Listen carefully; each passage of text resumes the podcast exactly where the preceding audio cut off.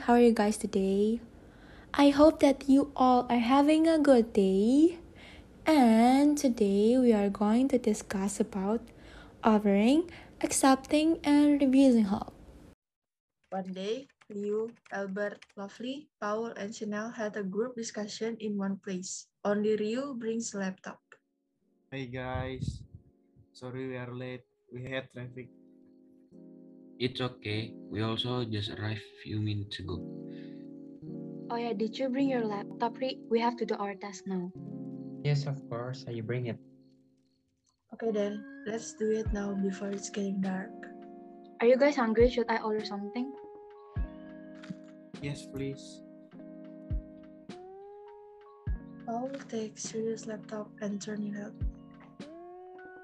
Rick, what happened to your laptop? Huh? What's wrong? Your laptop didn't turn on. It seemed broken. No way. I just bought it last month. Do you need me to check on your laptop? I'm really good at it. Hmm. Yes, sure. I don't really understand about this laptop. Wait, it's not broken.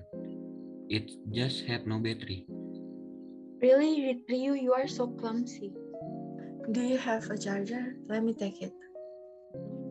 Hmm. No way. I even didn't bring my charger. That's okay. I think I left my laptop charger in the car. Should I get it for you? Really? Is that okay?